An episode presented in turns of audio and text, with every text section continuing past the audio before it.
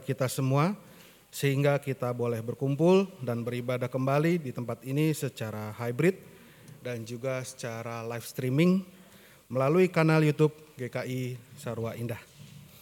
Bagi Bapak, Ibu, saudara-saudari yang baru pertama kali mengikuti ibadah hybrid dan juga live streaming melalui kanal YouTube GKI Sarwa Indah, kami mengucapkan selamat datang dan selamat bergabung di dalam persekutuan di GKI Sarwa Indah.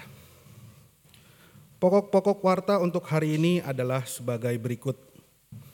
Yang pertama, kebaktian umum hybrid minggu kedua sesudah Epifani pada pagi hari ini dilayani oleh Pendeta Christian Dewantara.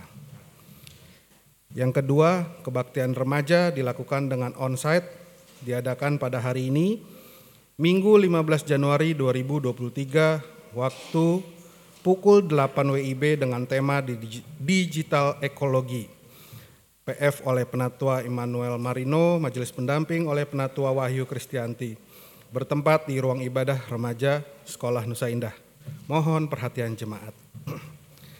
Yang ketiga, PMJ khusus akan diadakan pada hari ini, Minggu 15 Januari 2023, pukul 11 WIB bertempat di Sekretariat Mohon doa dan perhatian jemaat. Yang keempat, berita duka. Telah dipanggil Bapak di sorga, Ibu Florentina, Borus Yanturi, Opung Egi, Ibu mertua dari Bapak Yosua Sagala. Pada hari Kamis 12 Januari 2023 dan akan dimakamkan pada hari ini, Minggu 15 Januari 2023 di Muara Bungo. Majelis Jemaat anggota dan simpatisan GKI Sarwa Indah Ciputat menghaturkan turut berduka cita kiranya keluarga yang ditinggalkan mendapatkan kekuatan dan penghiburan dari Tuhan Yesus Kristus. Yang kelima, Komisi Persekutuan dan Peribadatan PA Online akan diadakan pada hari Kamis 19 Januari 2023 pukul 19.30 dengan tema Bersatu di dalam Kristus PF oleh Bapak Sahala Lumban Raja, Majelis Pendamping oleh Penatua Elizabeth Bati, MC oleh Ibu Melda Kandau bertempat di Zoom virtual meeting. Mohon perhatian dan partisipasi jemaat.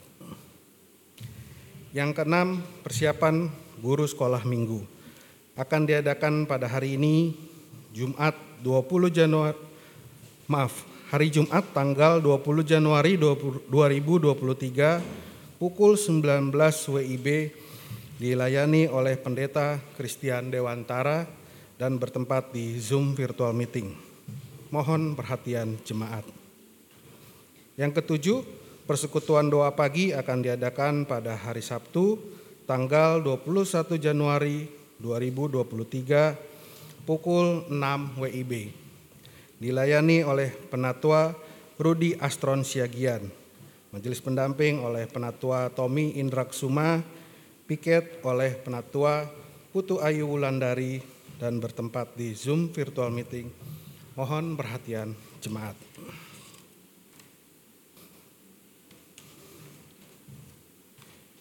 Yang kedelapan dari Komisi dari Komisi Pemuda mengenai ibadah Padang. Akan diadakan pada hari Sabtu 21 Januari 2023 pukul 8 WIB dengan tema Wounded Healer. PF oleh Pendeta Christian Dewantara, Majelis Pendamping oleh Penatua Wahyu Kristianti dan bertempat di Buni Rompes Camp. Mohon perhatian dan partisipasi dari pemuda yang kesembilan, kelas katekisasi onsite akan diadakan pada hari Sabtu 21 Januari 2023 pukul 16 sampai dengan pukul 17.30 WIB dengan materi pembentukan karakter dan spiritualitas Kristen dilayani oleh saudara Juan Gilbert Buki. Majelis pendamping oleh penatua Wahyu Kristianti bertempat di sekretariat. Mohon perhatian peserta kelas katekisasi. Demikian pokok-pokok warta untuk hari ini. Untuk lebih lengkapnya, jemaat dapat membaca di Warta Jemaat dalam bentuk file PDF. Segenap majelis jemaat mengucapkan selamat beribadah, Tuhan memberkati.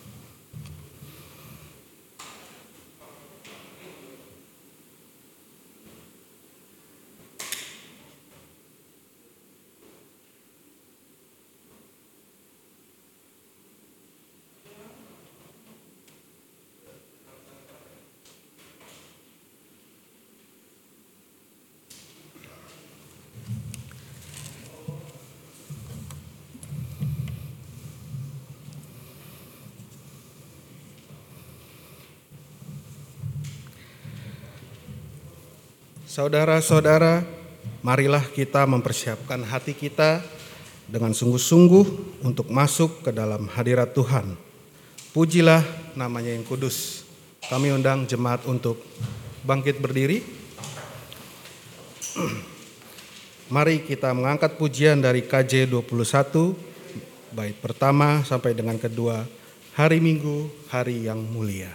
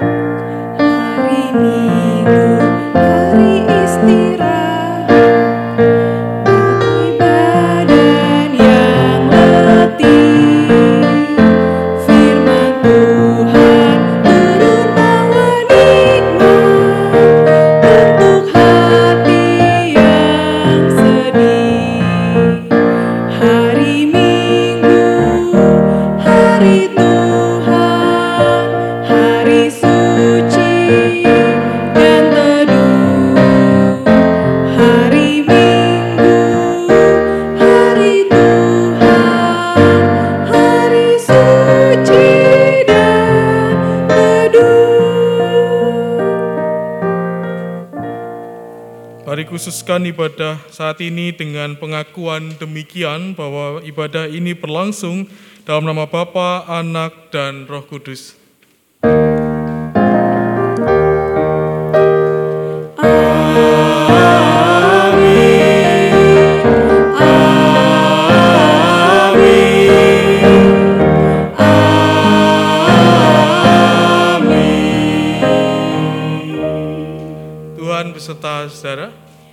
Beserta saudara juga. Silakan duduk.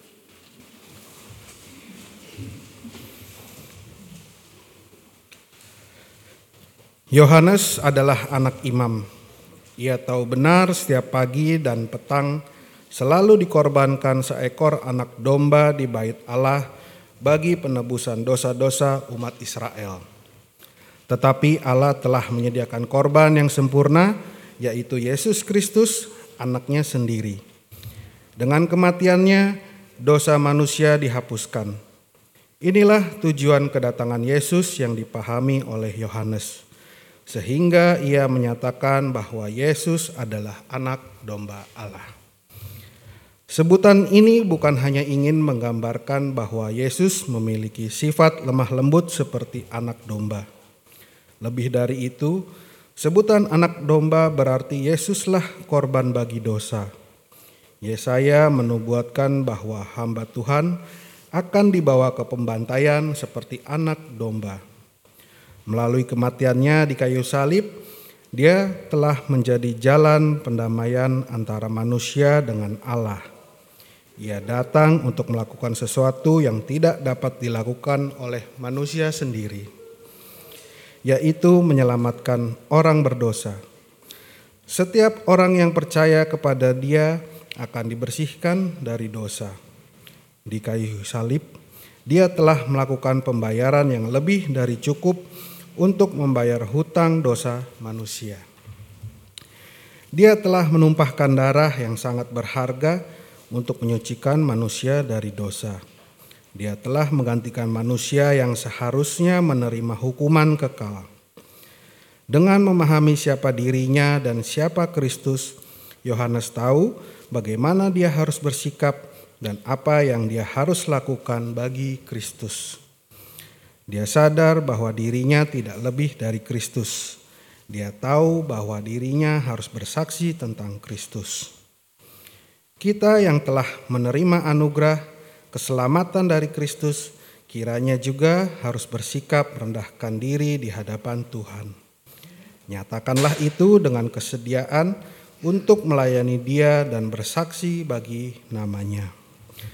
Melalui kata, perbuatan, dan hidup kita, dan biarlah orang lain melihat bahwa penebusan Kristus memberi dampak yang menyatakan kuasa dan kemuliaannya di dalam kehidupan kita.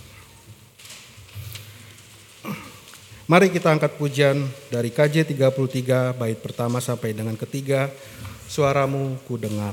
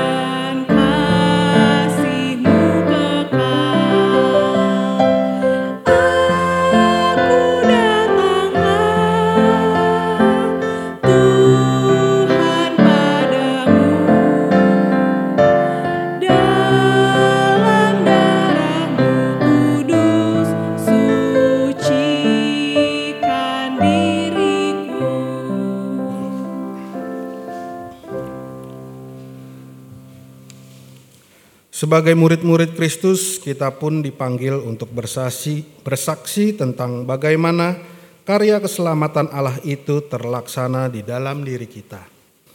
Sebagai orang yang telah dibaptis dengan Roh Kudus oleh Sang Anak Allah, sungguhkah kita mengenal Yesus sebagai Anak Allah? Bagi kita yang merasa telah memiliki pengetahuan dan pengalaman yang utuh dengan Yesus, Anak Domba Allah, sudahkah kita bersaksi tentang Dia?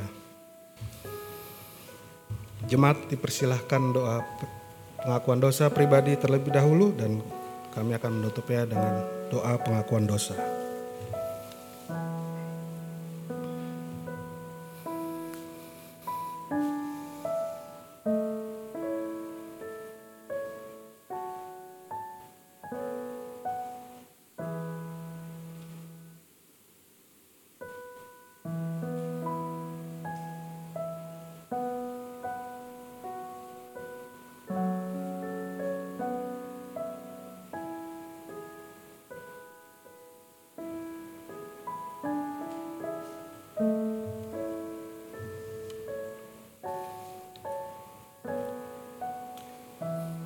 Bapa yang bertahta di dalam kerajaan sorga, pada kesempatan hari ini kami datang ke hadiratmu untuk mengakui segala dosa dan pelanggaran yang telah kami perbuat, baik di dalam pikiran, perkataan, maupun perbuatan yang disengaja maupun yang tidak disengaja.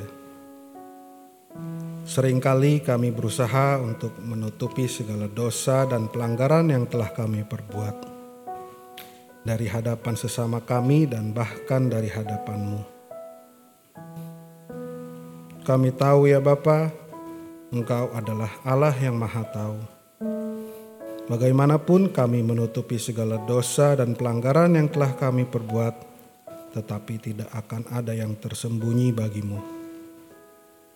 Engkau adalah Allah yang mengasihi kami, namun kami kerap kali tidak mengasihimu bahkan lari dari hadiratmu. Oleh sebab itu Bapa, kami sadar kami telah berdosa di hadapanmu. Mohon ampun atas segala dosa dan pelanggaran yang telah kami perbuat. Kiranya Engkau mendengar segala doa pengakuan dosa kami ini ya Bapa. Beri kami hati dan kekuatan yang baru mengalir pada pagi hari ini. Terima kasih Bapa untuk kasih dan setiamu di dalam hidup kami. Di dalam nama Tuhan Yesus kami berdoa. Amin.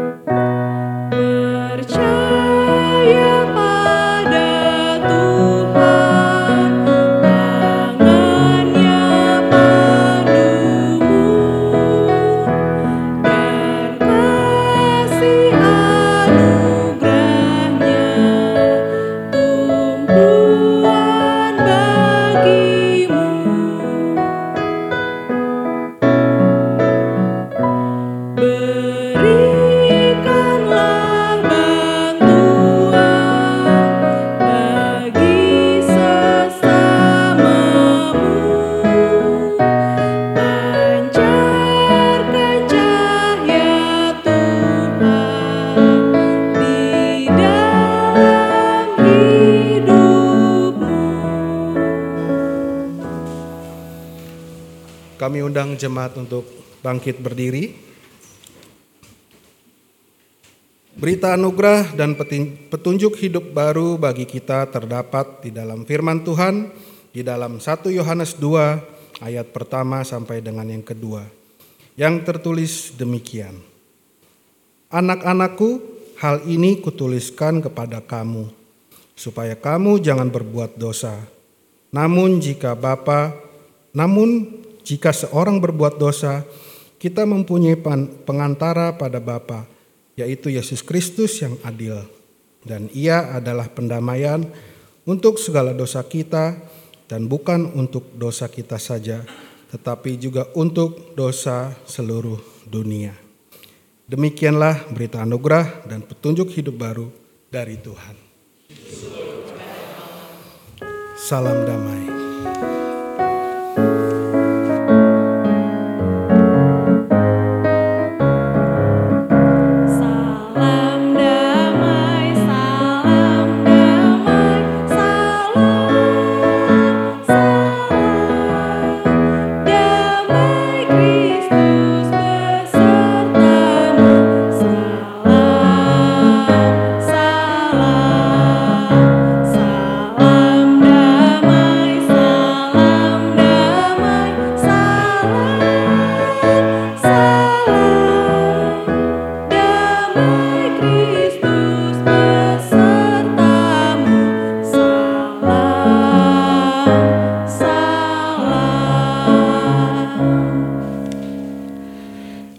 Kita merespon berita anugerah kita dengan mengangkat pujian dari KJ 372 bait pertama sampai dengan yang ketiga.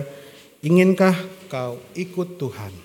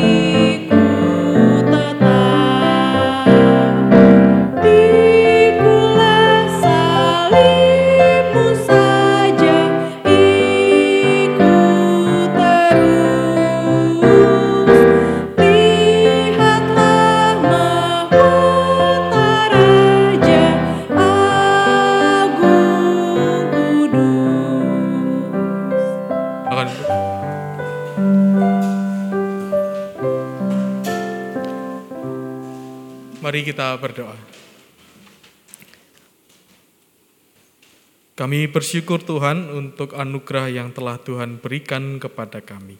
Yang kami boleh bangun, mempersiapkan hati, pikiran, dan bahkan badan kami untuk mengikuti ibadah saat ini.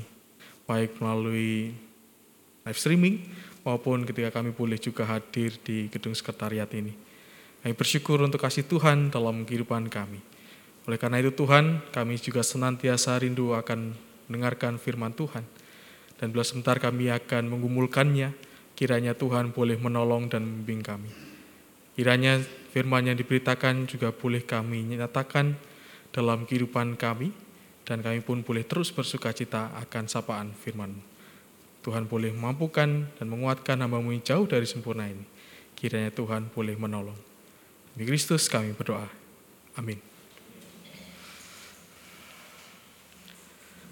Pembacaan Injil Yesus Kristus diambil Yohanes pasal 1. Kita akan baca Yohanes pasal 1 ayat 29 sampai 42. Yohanes pasal 1 ayat 29 sampai 42 demikianlah firman Tuhan. Yohanes menunjuk kepada Yesus. Pada keesokan harinya Yohanes melihat Yesus datang kepadanya dan ia berkata, "Lihatlah anak domba Allah yang menghapus dosa dunia." Dialah yang kumaksud ketika aku katakan, kemudian daripadaku akan datang seorang yang telah mendahului aku, sebab dia telah ada sebelum aku. Dan aku sendiri pun mula-mula tidak mengenal dia, tapi untuk itulah aku datang dan membaptis dengan air, supaya ia dinyatakan kepada Israel. Dan Yohanes memberi kesaksian, katanya, Aku telah melihat roh turun dari langit seperti merpati, dan ia tinggal di atasnya. Dan aku pun tidak mengenalnya, tetapi dia yang mengutus aku untuk membaptis dengan air telah berfirman kepadaku, Jikalau engkau melihat roh itu turun ke atas seorang dan tinggal di atasnya, dialah itu yang akan membaptis dengan roh kudus. Dan aku telah melihatnya dan beri kesaksian, ia inilah anak Allah. Murid-murid Yesus yang pertama. Pada keesokan harinya Yohanes berdiri di situ pula dengan dua orang muridnya. Dan ketika ia melihat Yesus lewat, ia berkata, Lihatlah anak domba Allah Kedua murid itu mendengar apa yang dikatakannya itu, lalu mereka pergi mengikut Yesus. Tapi Yesus menoleh ke belakang, ia melihat bahwa mereka mengikut dia, lalu berkata kepada mereka, "Apa yang kamu cari?" Kata mereka kepadanya, "Rabi, artinya guru, di manakah engkau tinggal?" Ia berkata kepada mereka, "Marilah dan kamu akan melihatnya." Mereka pun datang dan melihat di mana ia tinggal, dan hari itu mereka tinggal bersama-sama dengan dia, waktu itu kira-kira pukul 4. Salah seorang dari keduanya yang mendengar perkataan Yohanes lalu mengikut Yesus adalah Andreas, saudara Simon Petrus. Andreas mula-mula bertemu dengan Simon, saudaranya, dan ia berkata kepadanya, kami telah menemukan Mesias, artinya Kristus. Ia membawanya kepada Yesus, Yesus memandang dia dan berkata, Engkau Simon, anak Yohanes, engkau akan dinamakan Kefas, artinya Petrus. Demikianlah Injil Yesus Kristus yang berbahagia adalah kita yang boleh baca, merenungkan, dan terlebih lagi melakukan firman Tuhan dalam kehidupan kita hari lepas hari. Haleluya.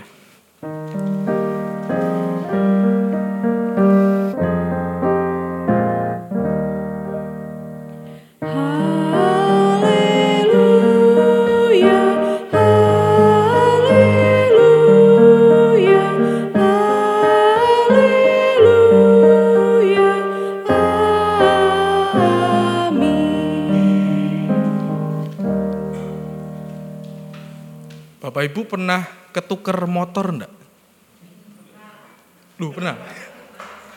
Jadi suatu ketika ya Bapak Saudara, eh, ini kejadian yang sungguh memalukan tapi juga sangat menghibur kami waktu di asrama.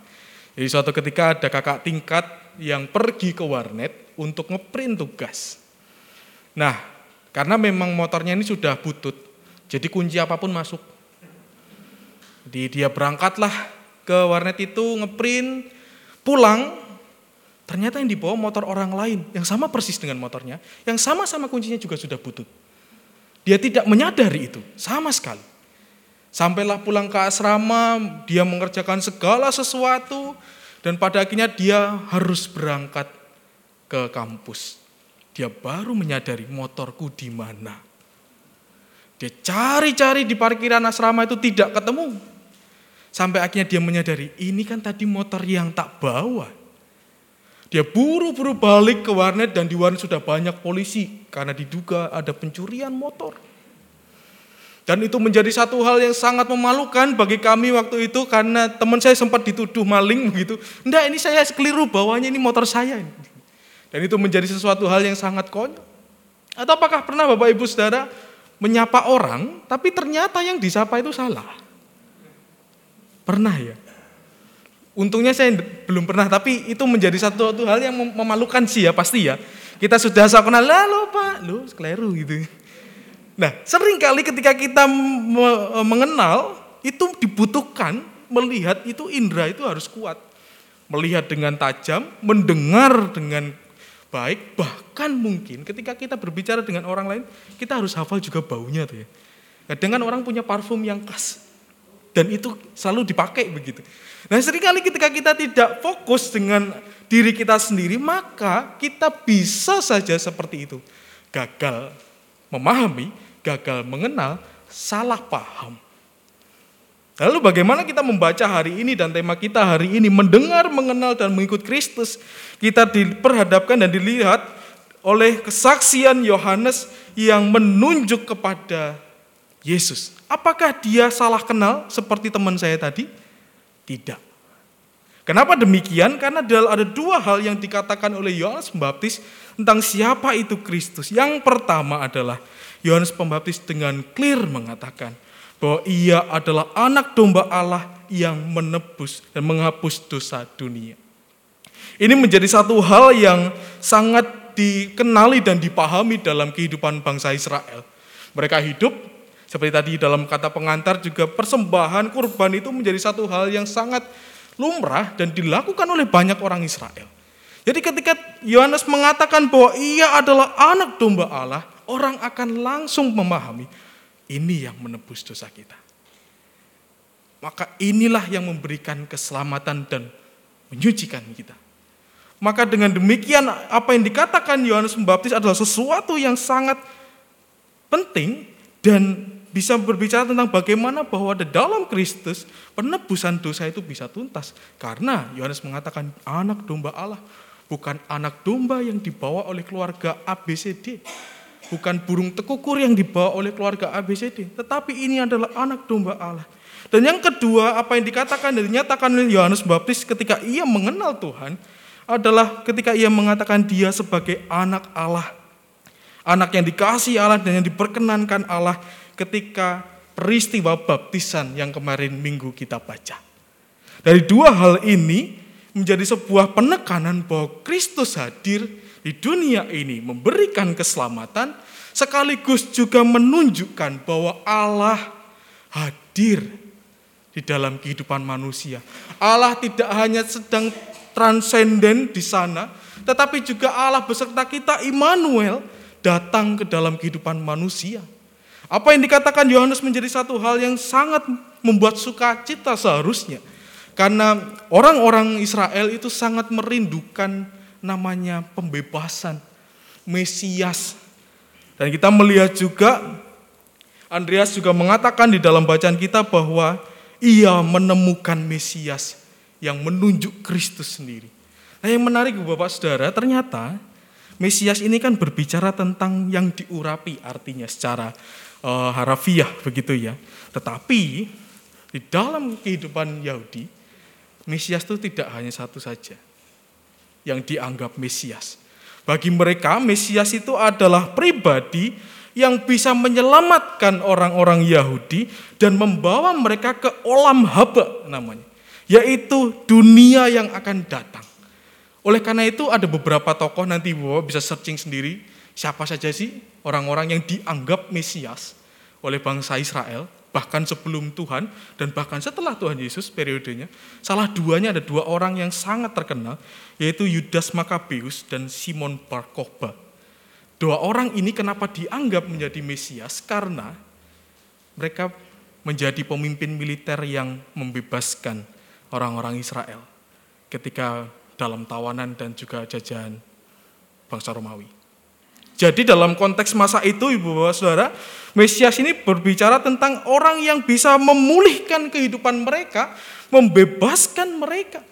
Maka tidak kaget begitu ketika peristiwa penangkapan Kristus, Petrus berbuat demikian. Memotong telinga prajurit karena dia merasa seharusnya Mesias itu ngangkat senjata, perang. Ya kayak Barkokba, kayak Judas Makabeus atau Mesias-Mesias yang lain. Tetapi apa yang dikatakan oleh Yohanes ini menjadi satu hal yang justru berbanding terbalik. Ketika dikatakan sebagai anak domba Allah yang menghapus dosa dunia, itu berarti Yohanes tahu persis bahwa Kristus akan mengorbankan diri karena kasihnya untuk menebus dosa manusia. Nah, pengalaman mengikut Kristus tentu berangkat dari apa yang kita baca dan lihat dalam tema kita hari ini.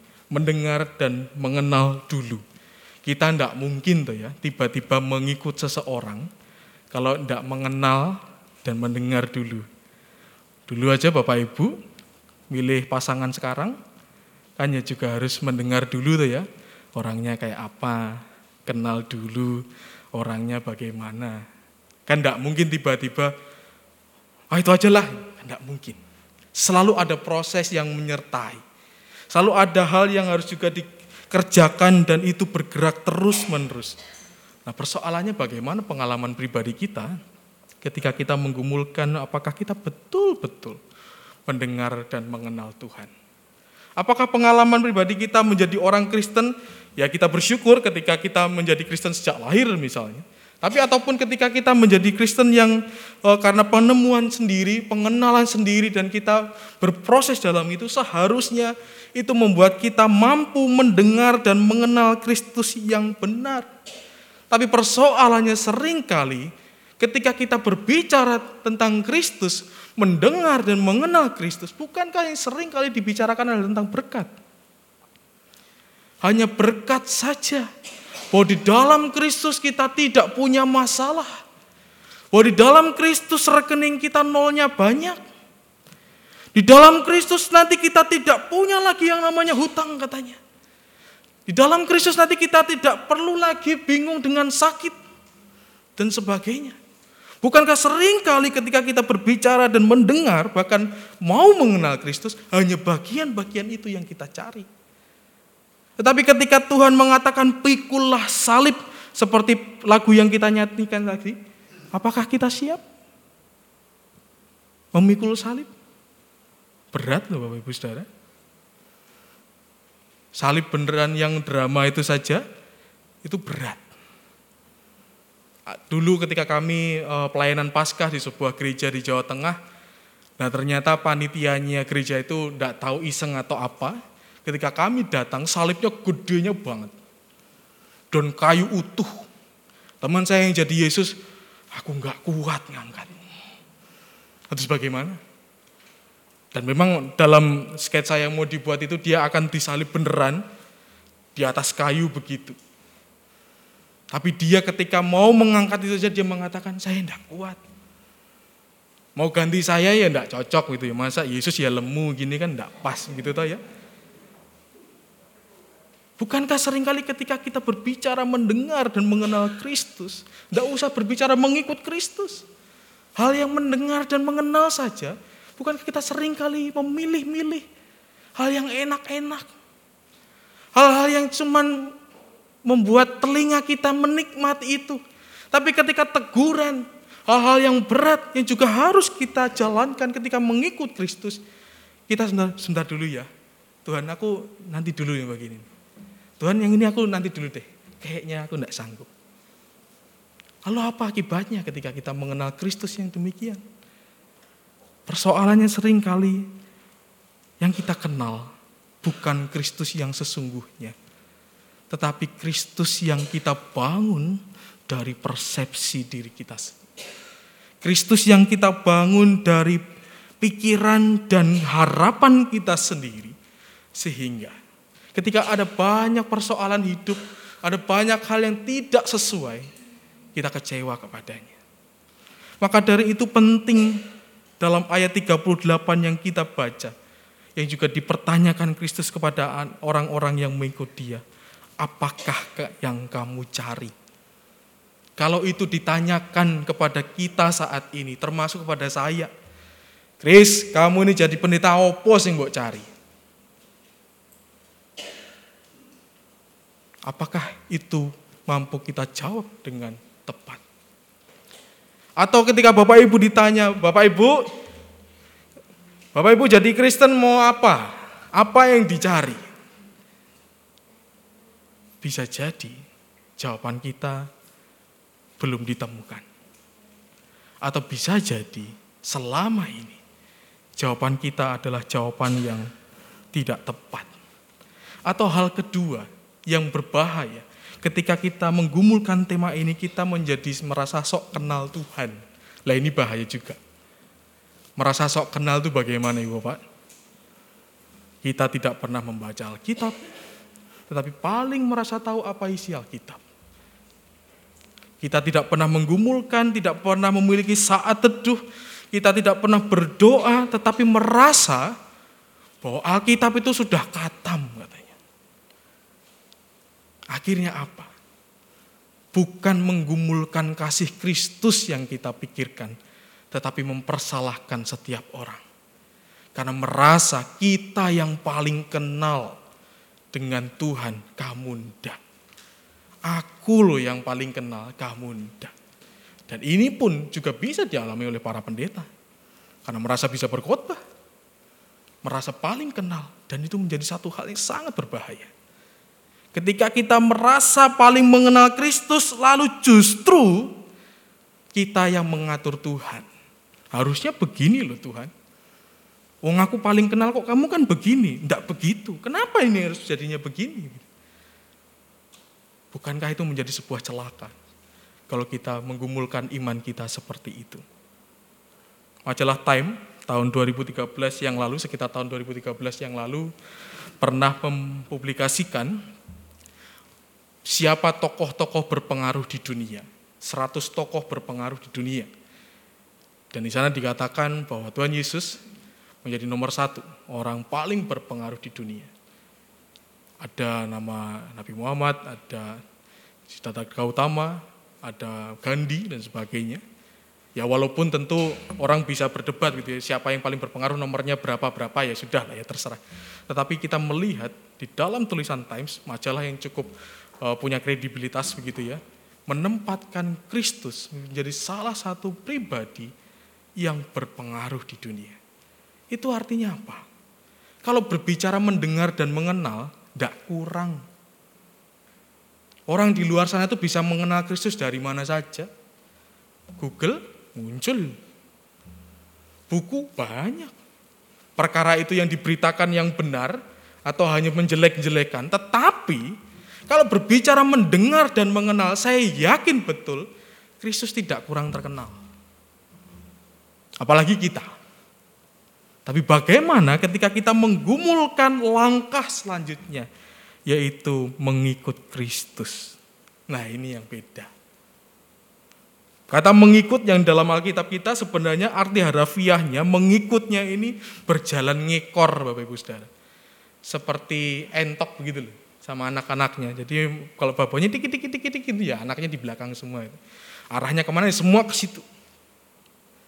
Nah, mengikut Kristus itu berarti apa yang dilakukannya kita juga melakukan. Berat, ya. Kenapa berat? Kita masih punya ego. Kita masih merasa kuat.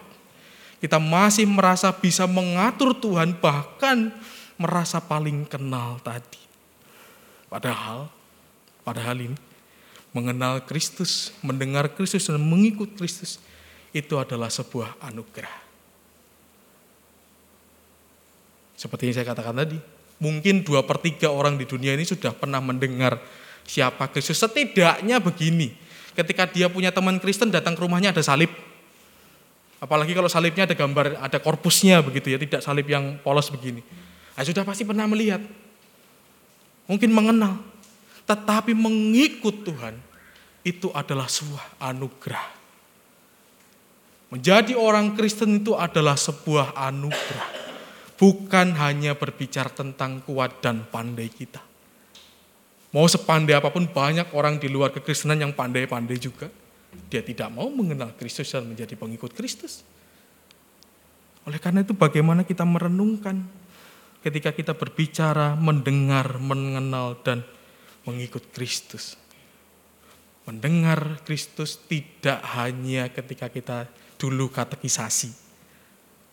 Tidak hanya ketika kita beribadah seperti ini. Tetapi juga mau mendengar Kristus dalam setiap langkah hidup kita hari demi hari. Walaupun suara Kristus tidak seperti keinginan kita. Walaupun apa yang dikehendaki Tuhan tidak seperti yang kita mau. Mengenal Kristus itu berarti kita dengan sedia mau tunduk kepada apa pun yang Kristus tunjukkan dalam kehidupan kita. Bukan untuk memilih mana yang enak, mana yang tidak enak. Tetapi kita dengan sepenuh hati apa pun yang terjadi, kita mau tetap mengenalnya. Dan yang paling berat kadang mengikut Kristus dalam segala situasi. Bukankah ada banyak orang di luar sana yang ketika mengatakan aku menjadi pengikut Kristus, tetapi ketika digoyang dengan satu dua hal, dia goyah dan meninggalkan Kristus. Mungkin saja dia sangat aktif melayani, dia memiliki saat waktu saat teduh khusus, tetapi ketika dia tidak memiliki pengenalan akan Kristus yang benar, dia menjadi pengikut yang kalau orang Jawa bilang pupuk bawang, babah elon-elon. Dia menjadi pengikut yang masih sangat hijau, tidak matang. Mengikut Kristus itu artinya, baik di depan kita adalah jalan berpasir, baik di depan kita adalah jalan yang lurus, baik di depan kita adalah jalan yang berbatu dan menyakitkan, kita mau tetap melangkah oleh karena itu ada sebuah lukisan, ilustrasi yang menurut saya sangat indah ketika kita berjalan bersama dengan Kristus. Ada dua jejak kaki yang ditinggalkan ketika kita berjalan bersamanya. Ketika itu di pasir ada dua jejak kaki antara jejak kaki Tuhan dan jejak kaki kita. Tetapi tiba-tiba ketika jalan itu berat, jejak kakinya tinggal satu. Satu pasang maksudnya. Bukan satu begini lompat-lompat. Tinggal satu pasang. Sering kali orang merasa, orang merasa ketika jalan itu berbatu dan berkerikil, jejak kakinya tinggal sepasang, itu merasa punya kaki kita. Nih, aku ditinggalkan Tuhan. Bahkan mungkin jejak kaki itu juga memunculkan darah karena yang dilewati keras sekali. Tapi itu sebenarnya adalah jejak kaki Tuhan. Dan di mana jejak kaki kita? Kita digendong olehnya. Seringkali itu kita tidak sadari bahwa kita sedang digendong. Walaupun melalui jalan yang sangat menyakitkan, oleh jalan yang berkilau dan berliku, kita merasa kok cuma satu jejak kaki langkahnya. Itu merasa jejak kaki kita, tetapi ternyata itu bukan kaki kita kita tidak sadar kita dapat melangkah dan tidak merasakan sakit yang luar biasa. Kita tetap dimampukan untuk melangkah itu karena itu kaki Tuhan. Bukan kaki kita sendiri. Sering kali orang Kristen salah paham dengan itu. Dia mendengar, mengenal Kristus tapi susah mengikut Kristus. Karena dia merasa dalam jalan-jalan yang keras itu dia ditinggalkan oleh Tuhan. Oleh karena itu apa yang dikatakan Yohanes menjadi satu hal yang sungguh indah. Ketika ia datang ke dunia untuk menghapus dosa dunia. Dan dia datang menjadi anak Allah yang mau merengkuh hidup kita. Biarlah segala hal yang terjadi di dalam kehidupan kita. Kita jalani dalam Kristus. Jangan takut walaupun mungkin ada banyak hal yang masih tidak pasti. Tetapi yakin dan percayalah keselamatan Kristus adalah sesuatu yang pasti. Penyertaan dan pemeliharaan Kristus adalah sesuatu yang pasti dalam segala situasi. Tuhan memberkati. Kita akan mendengarkan persembahan pujian dengan judul bagian yang terbaik. thank you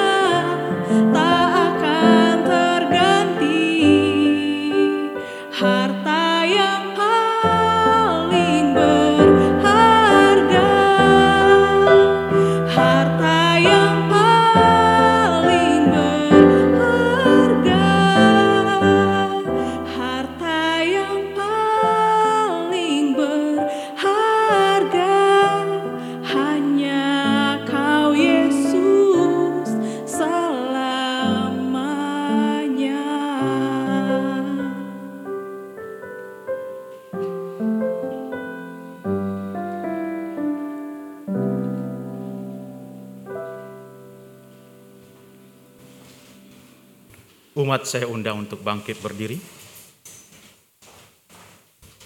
Marilah kita bersama dengan umat Allah di masa lalu, masa kini dan masa depan, mengingat pengakuan pada baptisan kita menurut pengakuan iman rasuli. Aku percaya kepada Allah, Bapa yang Maha Kuasa, Halik langit dan bumi, dan kepada Yesus Kristus, anaknya yang tunggal Tuhan kita, yang dikandung daripada roh kudus, lahir dari anak darah Maria, yang menderita sengsara di bawah pemerintahan Pontius Pilatus, disalibkan, mati dan dikuburkan, turun ke dalam kerajaan maut. Pada hari yang ketiga, bangkit pula dari antara orang mati. Naik ke sorga, duduk di sebelah kanan Allah, Bapa yang Maha Kuasa. Dan dari sana ia akan datang untuk menghakimi orang yang hidup dan yang mati. Aku percaya kepada roh kudus, gereja yang kudus dan am, persekutuan orang kudus, pengampunan dosa, kebangkitan orang mati, dan hidup yang kekal. Amin. Umat dipersilahkan duduk.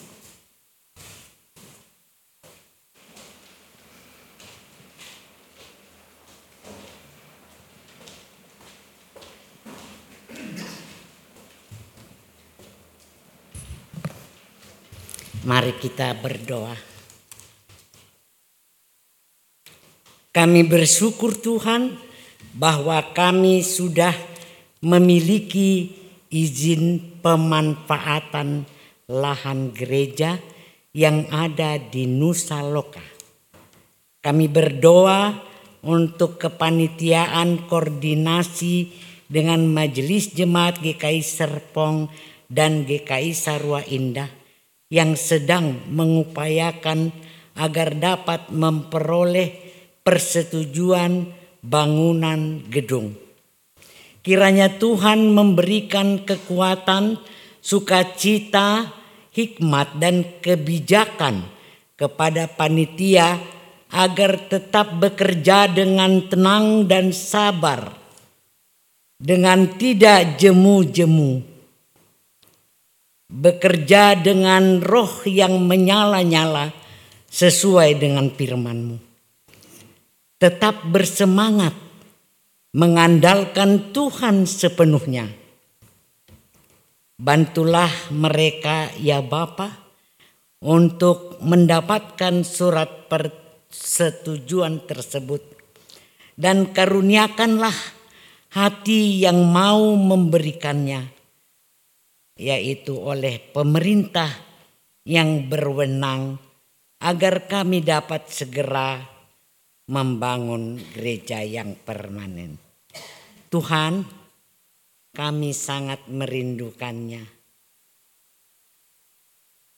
Kami juga berdoa untuk lahan yang ada di Dusun Tiga. Pimpinlah panitia untuk bekerja dengan bijak. Apa yang harus mereka lakukan Tuhan? Kapan mereka melakukan dan bagaimana mereka melakukan? Tolonglah ya Tuhan. Engkau tahu Tuhan betapa besarnya kami membutuhkan pertolonganmu. Karena itu kami serahkan sepenuhnya ke mana, kepadamu. Engkaulah andalan kami satu-satunya. Kabulkanlah permohonan kami Bapa dengan caramu yang ajaib. Kami sambut kebaikanmu. Dalam nama Tuhan Yesus Kristus kami berdoa dan memohon.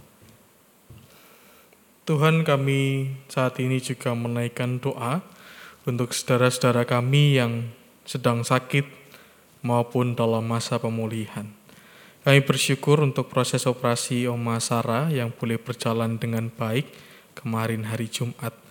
Kami bersyukur untuk penyertaan Tuhan untuk umat terkasih kami ini Tuhan. Dalam masa sakitnya, Tuhan boleh menjaga dan menolong untuk setiap melewati proses yang tidak nyaman dan bahkan mungkin melelahkan. Kiranya Tuhan boleh terus menolong Oma Sarah dalam masa pemulihan yang akan dijalani, kiranya Tuhan boleh menyertai dan juga memampukan. Tuhan boleh juga memberkati setiap keluarga yang menjaga dan merawatnya. Tuhan boleh berikan kesabaran dan juga ketabahan. Tuhan kami juga berdoa untuk saudara kami yang masih dalam masa pemulihan. Kami berdoa untuk Ibu Mami Palon, Ibu Hana Panjaitan, Ibu Yulia Kristianti, Bapak Christian Utagalung, Ibu Nika Elizabeth Puki, Bapak Wahyu Hidayat, Ibu Yohana Triani, Ibu Maria Magdalena, Ibu Tambunan, Bapak RC Syakian, dan Bapak Rudi Pasaribu. Kami juga menyerahkan saudara kami yang lain yang masih dalam masa pemulihan, kiranya juga Tuhan boleh melawat dan menolong anak-anakmu ini, agar boleh juga merasakan pemulihan. Tuhan boleh memberkati dokter, obat-obatan, ataupun setiap orang yang mengupayakan kesembuhannya, Tuhan boleh juga menyertai.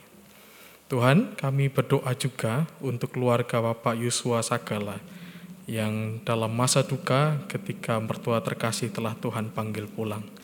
Kiranya Tuhan boleh memberkati keluarga besar dari Bapak Yusua Sagala, kiranya Tuhan boleh memberikan penghiburan dan penyertaan dan dapat melalui kedukaan ini dengan baik dan dapat menjalani proses kedukaan ini pun dan terus dapat berharap kepada pertolongan Tuhan.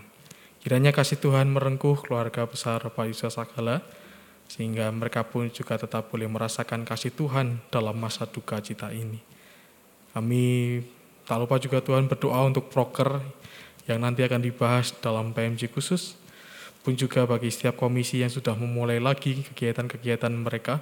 Kiranya Tuhan boleh memberkati segala kegiatan gerejawi yang sudah kami mulai. Kiranya itu semua boleh menjadi berkat bagi setiap pribadi yang datang, pun juga bagi setiap yang melayani pun boleh semakin mengenal Tuhan. Ajarlah kami Tuhan untuk tetap setia, bersekutu di GKI Sarwa Indah. Kami juga tetap dapat membagikan kasih kami di dalam GKI Sarwa Indah. Agar kiranya persekutuan ini boleh kami rasakan dan kami boleh mengalami perubahan hidup. Kami boleh semakin mengenal Tuhan yang benar dan mengikut Tuhan. Kami pun juga berdoa untuk pemerintahan kami. Masa-masa pemilu yang semakin dekat, kami sudah mulai melihat beberapa calon yang kemungkinan akan dibawa untuk menjadi calon presiden yang akan datang. Kiranya Tuhan boleh menjaga proses ini, agar proses yang berjalan boleh juga berjalan dengan baik. Kami tidak mengalami perpecahan walaupun memiliki pandangan sudut pandang yang berbeda, tapi kami pun boleh menyadari bahwa kami berjuang untuk memiliki pemimpin yang paling baik untuk masyarakat Indonesia. Kami juga berdoa untuk proses Undang-Undang Cipta Kerja yang beberapa waktu lalu membuat beberapa pihak gelisah, terkhusus para buruh. Kiranya Tuhan boleh memberkati agar undang-undang ini tidak hanya menguntungkan segelintir pihak, tetapi juga menjadi hal yang baik untuk saudara kami, khususnya para buruh pabrik yang terdampak secara langsung dari kebijakan ini. Tuhan boleh mencukupkan segala kebutuhan mereka, seperti juga Tuhan boleh mencukupkan kebutuhan kami. Inilah seluruh syukur dan permohonan kami Tuhan. Dalam nama Tuhan Yesus Kristus, Tuhan yang telah mengajarkan kami berdoa demikian. Bapa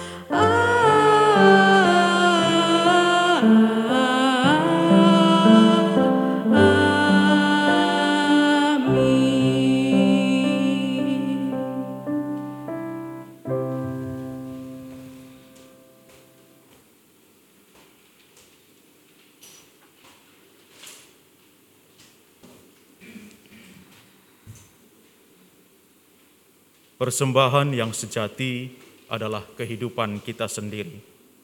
Oleh karena itu, mari kita berikan hidup ini sepenuhnya untuk kemuliaan Allah, seraya mengingat akan firman-Nya dalam surat Rasul Paulus kepada jemaat Korintus yang kedua, pasal 9 ayat 11 dan 12. Kamu akan diperkaya dalam segala macam kemurahan hati yang membangkitkan syukur kepada Allah oleh karena kami. Sebab pelayanan kasih yang berisi pemberian ini bukan hanya mencukupkan keperluan orang-orang kudus, tetapi juga melimpahkan ucapan syukur kepada Allah. Mari kita berikan persembahan kita dengan sukacita dan bernyanyi dari Kidung Jemaat nomor 292 bait pertama hingga ketiga.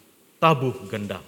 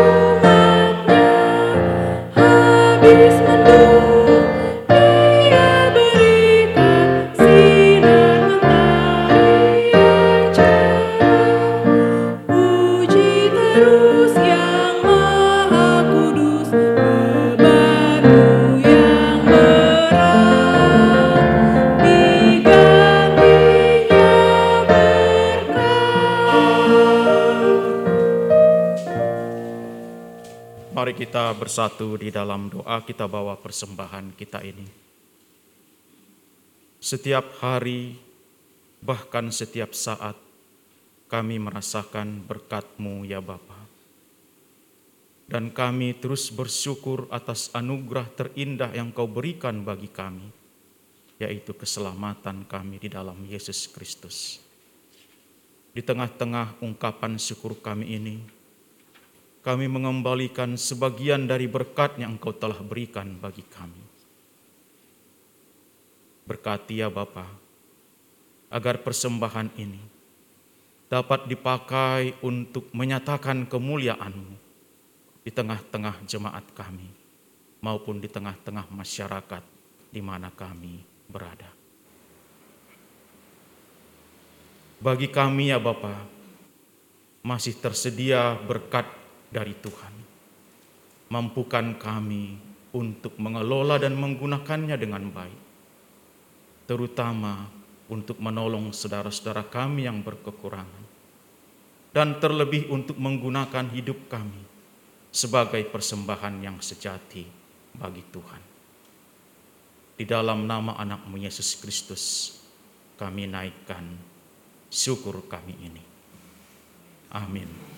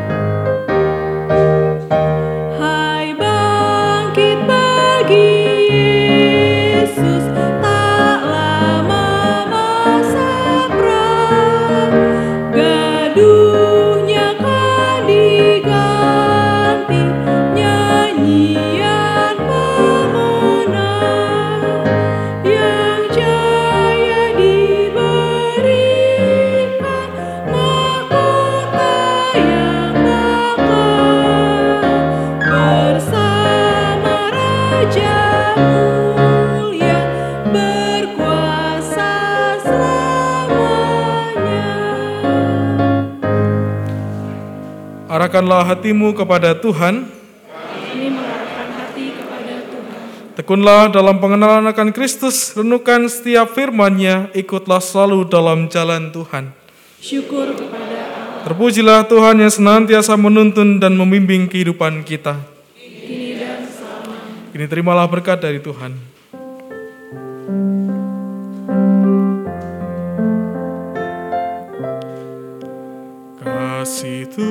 Tuhan mengiringimu. Dan sayapnya